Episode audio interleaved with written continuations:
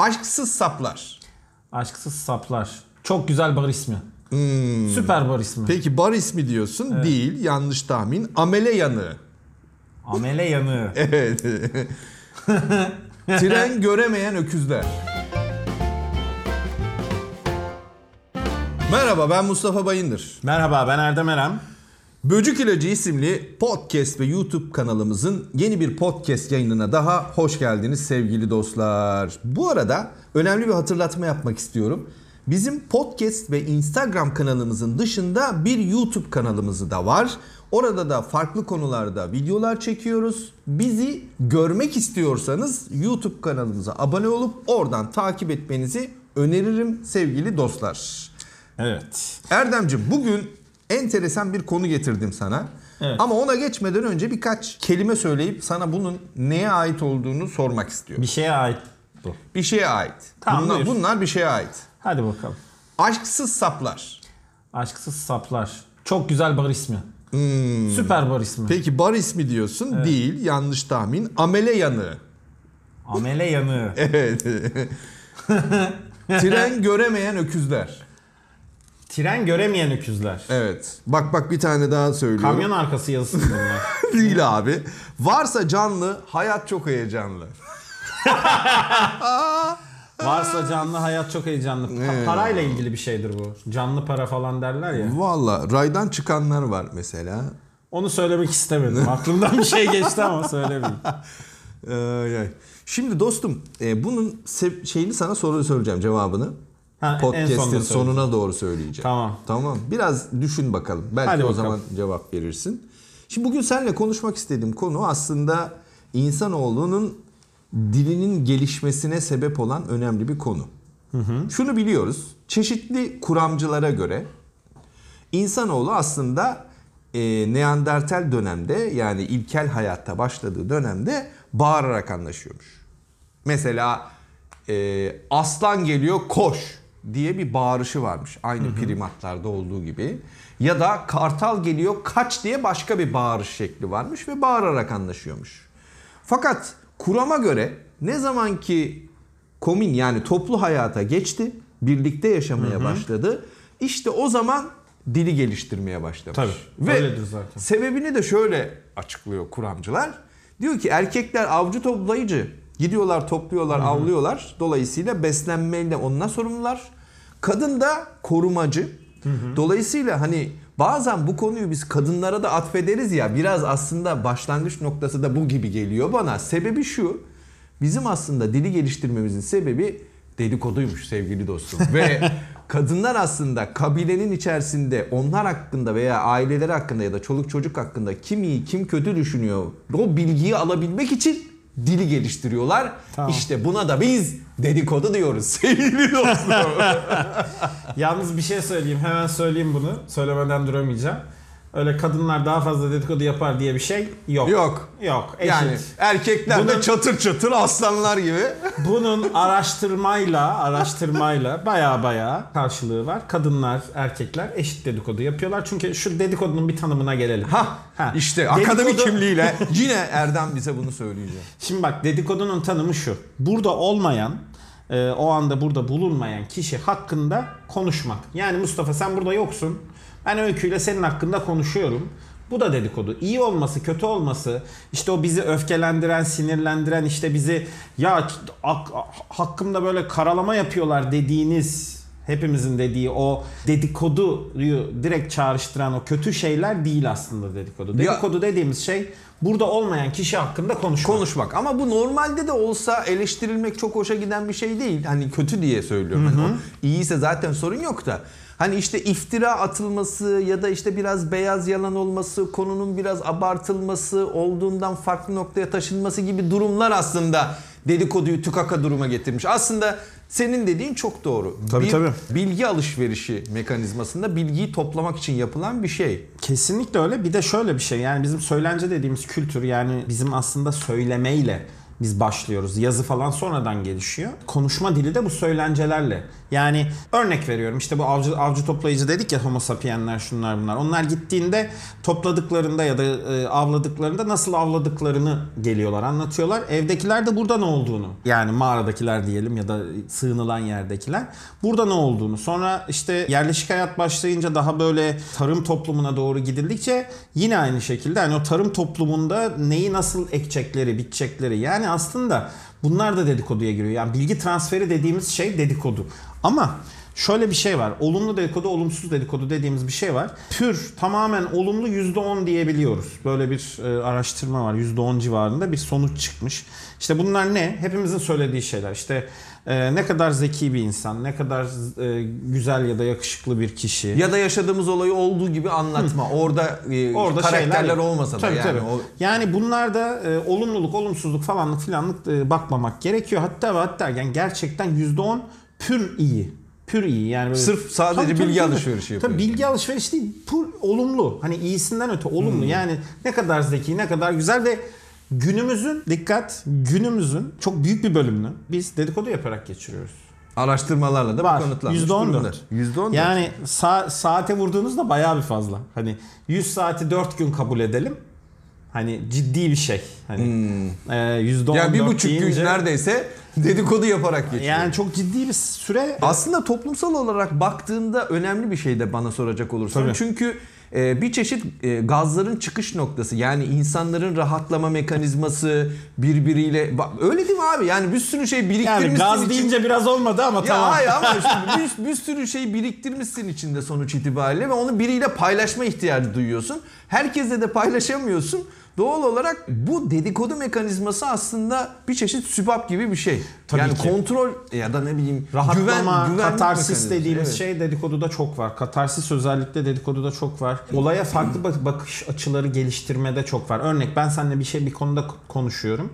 Ee, ortamda bir kişi yok. Ama sen diyorsun ki ya Erdem böyle düşünüyorsun ama bir de böyle tarafı var dediğinde aha bende ışık yanıyor.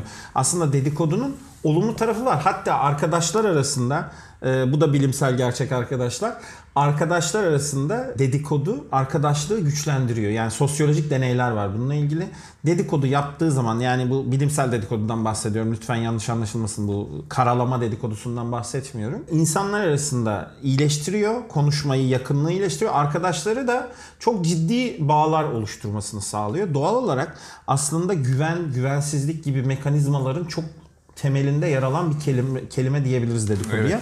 Bu noktada da aslında iş yerinde dedikodu çok önemli. Evet şimdi ben de hemen o onu gündeme getirmek istiyorum. Aslında biz e, biliyorsun iş yerlerinde bunu konuşurken dedikodu demeyi pek tercih etmiyoruz. Tabii. Dolayısıyla biçimsel iletişim yolları ya da yöntemleri diyoruz. Ya da biçimsel dışı. olmayan iletişim yolları ya da yöntemleri diyoruz. Dolayısıyla işletmelerde işte bildiğimiz e-posta, e, yazılı iletişim, sözlü iletişim gibi e, toplantılardaki iletişim gibi ya da fikirleri paylaşmak gibi şeyimiz var. Biçimsel iletişim yollarımız var. Bir de bunun dışında kapı arkalarında, çay kahve sohbetlerinde e, efendim söyleyeyim biçimsel olmayan iletişim e, yolları var, yöntemleri var.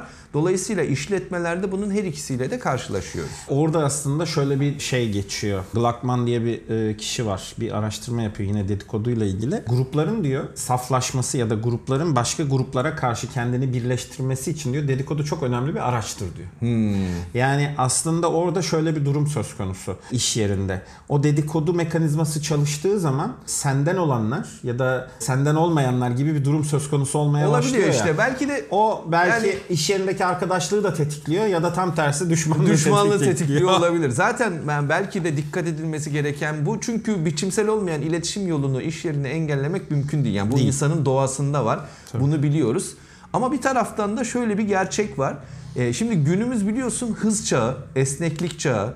Dolayısıyla değişime adapte olmayla ilgili çeviklik dediğimiz ya da dayanıklılık dediğimiz şeylere çok ihtiyacımız var. İşin enteresan tarafı şu.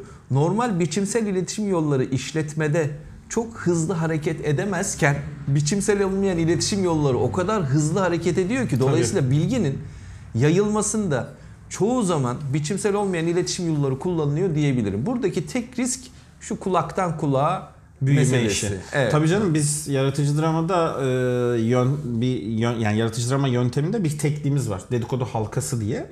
Özellikle var olmayan bilgiyi ya da daha ulaşılamamış bilgiye ulaşmak için biz bu tekniği kullanırız. Ortaya bir gerçek haber koyarız ve o gerçek haber kulaktan kulağa nasıl büyüdü, nasıl bir yere geldi falan filan. Sonra da bunun üstüne otururuz ve deriz ki bunların hangisi doğru, hangisi yanlış. Aslında çok ciddi bir bilgi üretim yeridir. Hatta ben e, iş yerinde hani e, şeye de dikkat edilmesi gerektiğini düşünüyorum. Hani dedikodu etiği denilen bir şey var. Ya gerçekten var. Bunun kitabı da var. 2000'de falan yazıldı. The Ethic of e, işte Gossip diye böyle gerçekten hani dedikodunun etiği diye kitap var. Adı bu. E, ve orada da diyor yani dedikodunun nasıl yapılması gerektiği, dedikodunun aslında insan için ne kadar değerli olduğu falan filan söyleniyor. Aslında iş yeri içinde dediğin gibi çok değerli. Orada doğru şekilde yapılırsa, böcüksüz diyelim bizim tabirimizle, böcüksüz işte karalamadan düzgün bir şekilde yapılırsa aslında birleştirici tarafı, takım olma tarafı çok daha güçlenebilir. Evet, burada belki bizi dinleyen dostlarımıza özellikle profesyonel olarak iş yerlerinde çalışan birçok dostumuz bizi dinliyor biliyorum. Şöyle öneriler getirmek lazım. Bir kere dedikoduya bir böcek olarak bakmamak lazım. Birincisi bence kavramı biraz ne nitelikte kullandığımız ya da ne anlam yüklediğimiz çok önemli. Mümkün olmayan, şey mümkün oldukça daha doğrusu biçimsel olmayan bir iletişim yolu olarak dedikoduyu kullanırken İftira atmayalım. yani mesela kötücül tarafına gitmeyelim. dışı olaylara yönelmeyelim. Evet. İki düşünelim, bir konuşalım. Hani biraz daha dikkatli ve hassas olalım.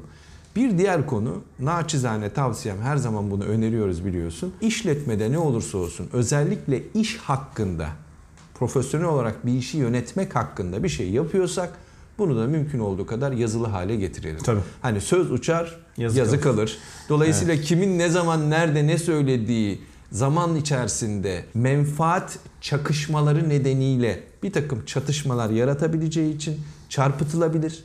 Çarpıtılmaması için mümkün olduğu kadar yazılı olmasına dikkat etmek lazım. Benim önerim biçimsel olmayan iletişim yollarının işletmelerde çok da fazla kullanılmasını engellemek. Özellikle e, WhatsApp gruplarıyla bu çok yapılır hale Evet. geldi. Artık insanlar yüz yüze bir araya gelemeseler de yani yüz yüze kapı arkasında iletişim kuramasalar da WhatsApp üzerinden Evet. aslanlar gibi 10 Dedikodu numara yapıyor. dedikodu yürütüyorlar kardeşim ya. Üstelik Aa dur dur dur dur dur şimdi dur şimdi şimdi aydım. Uyandın değil mi? Aydım aydım. Bu baştakiler WhatsApp şey mi grubu mu? Kesin öyle. Evet abi.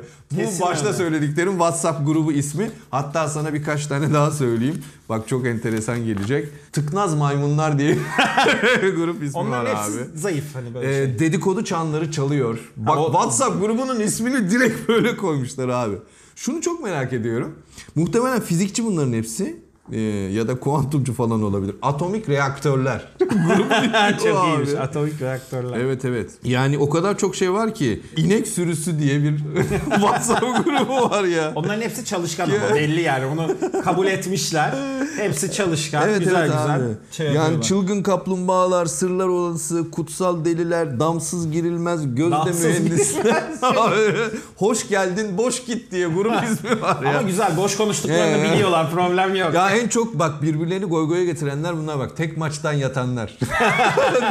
Düşünsene bomba. o gruptaki muhabbeti.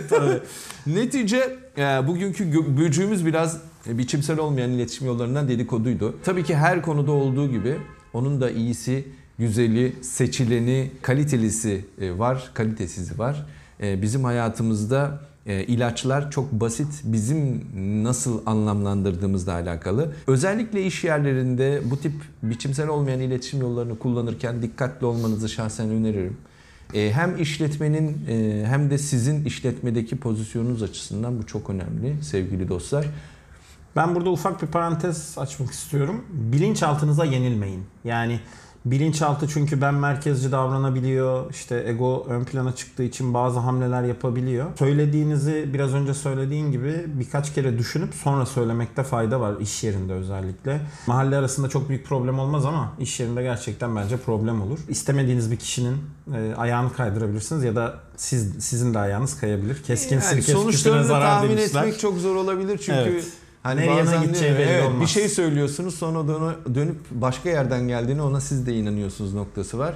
Onun için de ha dedikodusuz da kalmamak lazım. Dedik ya hani bir e, emniyet süpabı bir boş şey yapma hani e, rahatlama Onu noktası bunu boş falan. ver ya. Şey ne yapmış Öykü? Ha gerçekten Ha, yapmış Öykü. mı? Yani vallahi Ben sana söyledim abi tabii ya söylemez Tabii, olur muyum yani hep ama Hele atıl. ya atıl evet. Yani. Ya bu bizim takım yani destek meslek Ya ama Betül, bazen Kisil hakikaten hepsi böyle yani. bir garip hep yani, bir evet. şeyler var. Hep bir Evet. böyle bir aradan bir şeyler yapmışlar. Geçen gün Allah yani ya Allah biz- seni bize inandırsın. sormadan nasıl yapar onu öykü bir kere abi yani olacak değil. Anlamıyorum abi. Ah pardon ee, çok özür dileriz galiba ufak bir dedikoduya girdik. Kendinize iyi bakın. Görüşmek üzere bizi izlemeyi ve takip etmeyi unutmayın lütfen.